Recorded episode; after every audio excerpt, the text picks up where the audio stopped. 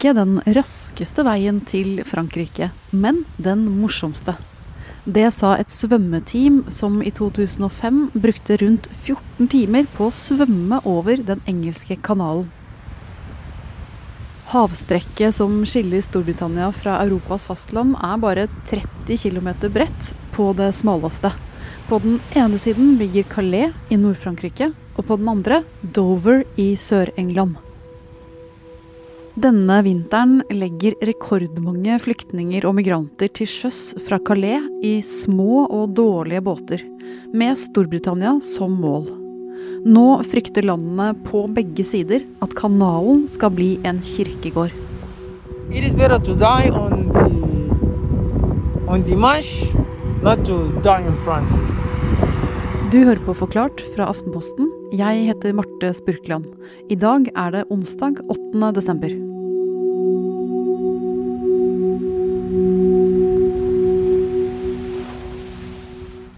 Calais har lenge vært et tilholdssted for mange migranter og andre flyktninger. Eh, på det meste i 2016 så bodde opptil 10 000 personer der. De bodde i en leir som de kalte for Jungelen, hvor de hadde egne markeder og små, bodde i små treskjul som de hadde bygget selv. Og til slutt så ble det så mange som bodde der at fransk politi brøt opp leiren og ba dem om å finne andre steder å bo. Men fem år senere har ikke det stanset situasjonen. Og Gina Grieg Risnes, du er da utenriksjournalist i Aftenposten, og du kom nylig hjem fra Calais. Hvordan ser det ut der i dag? I dag så anslås det at det bor rundt 2000 migranter og andre flyktninger. De, den store jungelen er jo nå brutt opp, men i stedet har det på en måte oppstått mindre jungler. Så folk bor rundt i hovedsakelig utkanten av byen i små telt som de gjemmer inn, innimellom klynger med trær og busker. Og mange av disse er ganske tett oppå vanlige boligstrøk. Så på noen områder så bor de så å si i hagen til andre folk. Hvordan er hverdagen for de som bor sånn?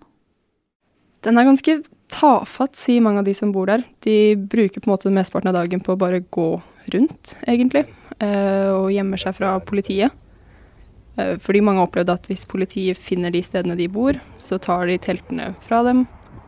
Og da må de da starte jakten på nytt med å finne et nytt telt som de kan få fra frivillige organisasjoner, som gir dem litt sånn under bordet. Hvis de da lager mat selv i disse teltleirene sine, så har de kanskje funnet en eller annen uh, stekespanne som de da varmer opp maten over et uh, bål på. Og så, da jeg var der, så serverte de f.eks eh, deler av maten på søppelposer som de la ut på bakken. Og mens du var i, Calais, så ble du kjent med noen. Hvem var det? I en av disse køene hvor de ventet på å få mat fra frivillige, så møtte jeg Ahmed. Da hadde han nettopp fått en porsjon med kylling og ris, eh, så jeg kom bort og sa hei. Så spurte han om jeg ikke ville ha litt av maten han hadde fått. Eh, så det er jo en hyggelig gjeng, som, selv om de eh, åpenbart lider, så vil de gjerne dele det de har, da. Uh, og mange av dem er veldig åpne for å møte mennesker. Yeah, it's very cold at night. Yeah. Uh, when it's too cold, just we have the we have some woods and we have just we made fire and we sit gasoline on the fire yeah. and all just to feel warm. To stay warm yeah. yes. Han er 27 eh, år gammel opprinnelig fra Sudan. Han flyktet fra hjemlandet fordi han hevder selv å være politisk flyktning. Så da han kom til Frankrike, så prøvde han å søke om asyl, men det fikk han avslag på. Så for eh, ni måneder siden så kom han til Calais, eh, fordi han fikk høre at det var på en måte stedet å være hvis du ville prøve å komme deg ut av Frankrike og til Storbritannia. Uh, I will try my best whether I take uh, the car, yeah. camion, uh, by boat. I will go. Hittil har han prøvd å snike seg på trailere som kjører gjennom tunnelen til England. Men han har ikke lykkes, eh, og har blitt tatt på fersken eller falt av, eller ja, det har ikke gått som planlagt da, hittil. Men nå vil han da prøve en det er noen vil si at det er en enda mer risikabel rute, å ta en båt over kanalen. It would be better, it would be better to die, not to stay in France.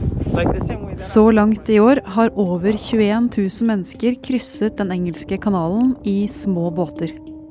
Det er nesten tre ganger så mange som i hele fjor. Og ikke alle som legger ut fra Nord-Frankrike, kommer fram. I slutten av november så satte 31 mennesker seg i en båt eh, som kjørte fra stranden nær, nær Calais. Men da de kom ut på havet, så var det for mye bølger. Båten begynte å ta inn vann. Og de forsøkte angivelig å få hjelp fra redningsbåter, men eh, fikk ikke hjelp i tide. Så 27 av de 31 menneskene de druknet. Og blant dem var en gravid kvinne og flere barn. De siste årene har det blitt nesten vanlig at båter fulle av mennesker som håper på et nytt liv, går ned i kanalen. Men i år er dødstallene mye høyere enn de to forrige årene. Og ikke siden 2014 har så mange druknet på én gang som den dagen i slutten av november. Det er sammensatt hvorfor folk vil dra. Noen har allerede familie som har flyktet til England, eh, og vet at de kan bo hos dem. Eh, for andre er det språket som er viktig. De kan ikke fransk f.eks. Eh, og vet at det er lettere å få jobb i England da, fordi de snakker språket. Eh, og på toppen av det så er det ofte kan det være lettere for dem å få jobb i England. Fordi der trenger de ikke ha ID-papirer for å arbeide, noe de må ha i Frankrike. Gina, det virker jo som det kommer flere mennesker nå enn det har gjort på en stund. Er det flere nå som er i fare i hjemlandet sitt enn for en liten stund siden? Jeg har ikke sett noe tall som fastslår akkurat det. Så det er vanskelig å si om det er flere aktive konflikter nå som gjør at folk drar, eller om folk er så lei av å leve i land hvor det har vært krig i flere tiår, så de tar sjansen på, på å dra et annet sted. Eller om det er flere som har hørt vellykkede historier fra folk som har lykkes, eh, og, og som sier at livet er bedre og det er mulig å få jobb og, og ha en framtid. Men for mange som forlater hjemlandet sitt for drømmen om Europa, får ikke historien noen lykkelig slutt. De som får avslag på søknaden om asyl, kan bli sittende fast i minijungler som den i Calais, og ende opp i en slags limbo som Ahmed. Og Gina, de som kommer seg over kanalen og setter fot på britisk jord, hvordan blir de tatt imot? Det er ganske blandet. Det er noen som mener at de må tas imot med åpne armer og, og få den hjelpen de, de, trenger. Så er det andre som mener at det har kommet altfor mange. I kjernen av debatten står spørsmålet om hvem det er som kommer. I oktober hevdet den britiske innenriksministeren Priti Patel at 70% er single menn og økonomiske migranter. Så, en måned senere, kom en rapport fra organisasjonen The Refugee Council som sier at flertallet av de som krysser kanalen, trolig er flyktninger. Mennesker på flukt fra krig og konflikt. Og nå har eh, innenriksminister Priti Patel tatt til orde for at eh, Storbritannia skal kunne drive med pushbacks. Det vil da si at hvis britiske grensevakter eller kystvakter møter disse migrantene når de kommer i kanalen, i båtene, så kan de dytte dem tilbake, eller hindre at de kommer inn i Storbritannia, og på en måte skyve dem tilbake til Frankrike.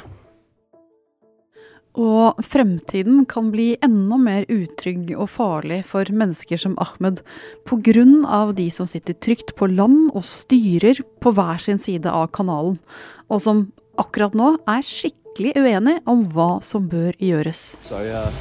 I, I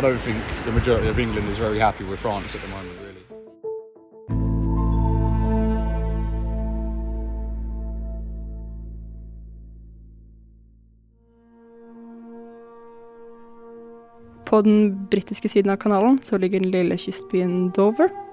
Eh, den ligger bare en knapp time unna London med tog, eh, og er kjent som et populært turiststed for mange som drar dit for å se The White Cliffs of Dover osv. Og, og ellers er det et stort fiskemiljø der. Og hit kommer de også, noen av de som krysser kanalen. Hvordan preges Dover av det som skjer ute i havet? Av de folkene jeg har snakket med, så er lokalbefolkningen der ganske preget. Uh, møtte en ung, uh, ung, fyr som heter Harley. Uh, han sto og fisket langs stranden på kvelden. og han fortalte det at på akkurat det stedet han sto, så hadde han sett migranter og andre flyktninger komme i disse båtene. Og det samme var helt vanlig på dager hvor sjøen er stille og, stille og rolig. Yeah, I see. I saw about five boats in one day with, with people, like about 30 people to 60 people on the boats. No, it was just one day. So Men han sa også at debatten er ganske polarisert i byen. For det er jo det er noen som mener at det har kommet for mange, og det er en slags følelse av at de blir invadert da, når det kommer eh, tusenvis av mennesker over kanalen. i- if you live around here, you probably will have seen at least one group of immigrants come off the beach. Yeah. And yeah, if, if you work within the port, you will have seen multiple boats, maybe daily. Men så er det også de som mener at det som skjer er grusomt, og de må hjelpe dem.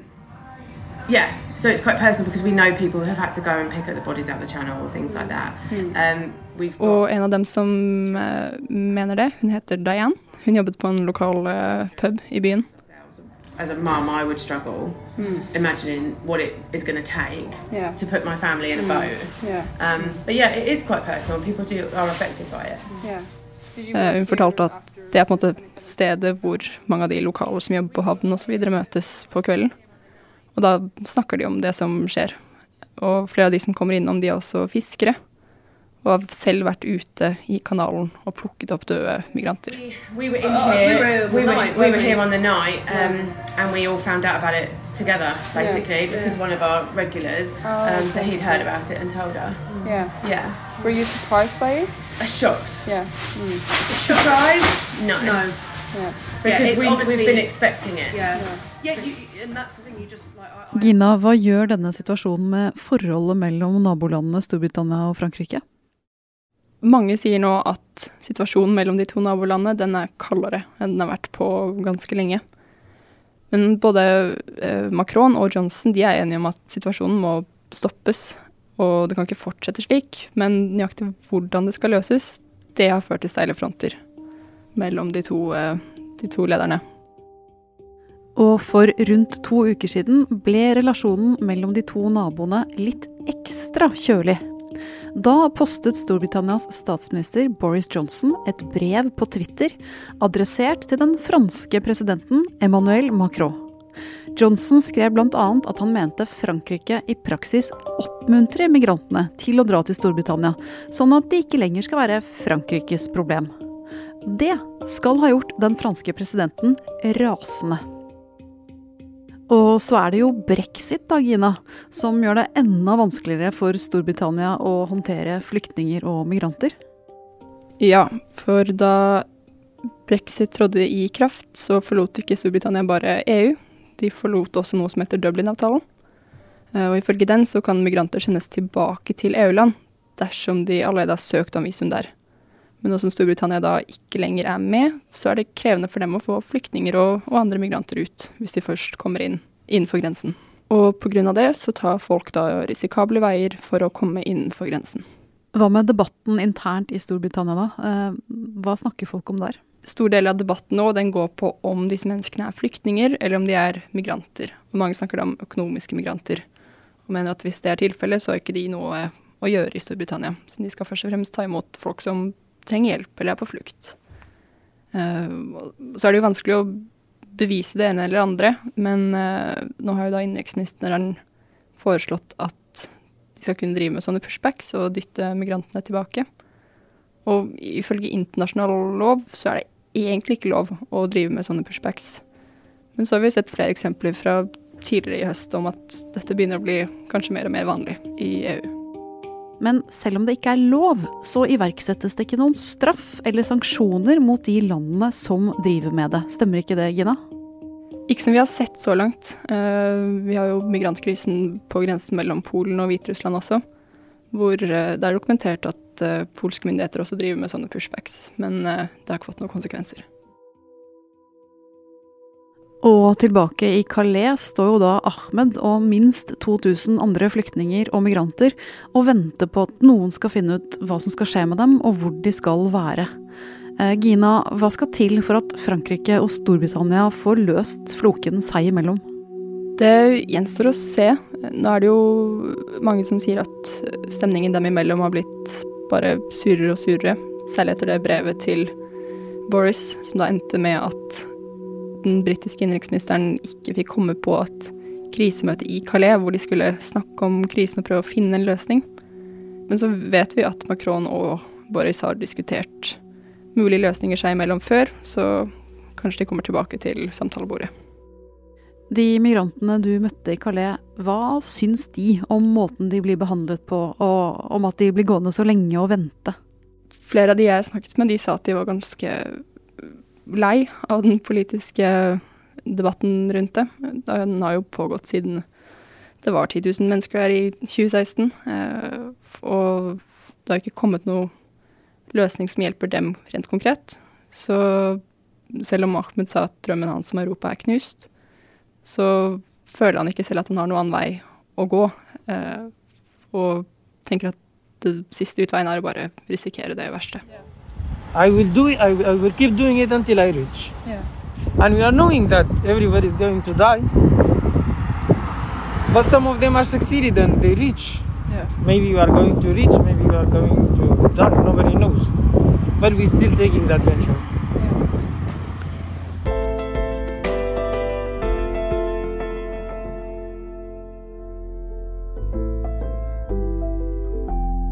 I dagens Forklart har Gina Grieg Risnes fortalt om små båter og folk på vei over Den engelske kanal. Du har hørt lyd fra opptakene hennes fra Calais og Dover, og fra Associated Press. Det er produsent Fride Nesten Onsdag og jeg, Marte Spurkland, som har laget denne episoden.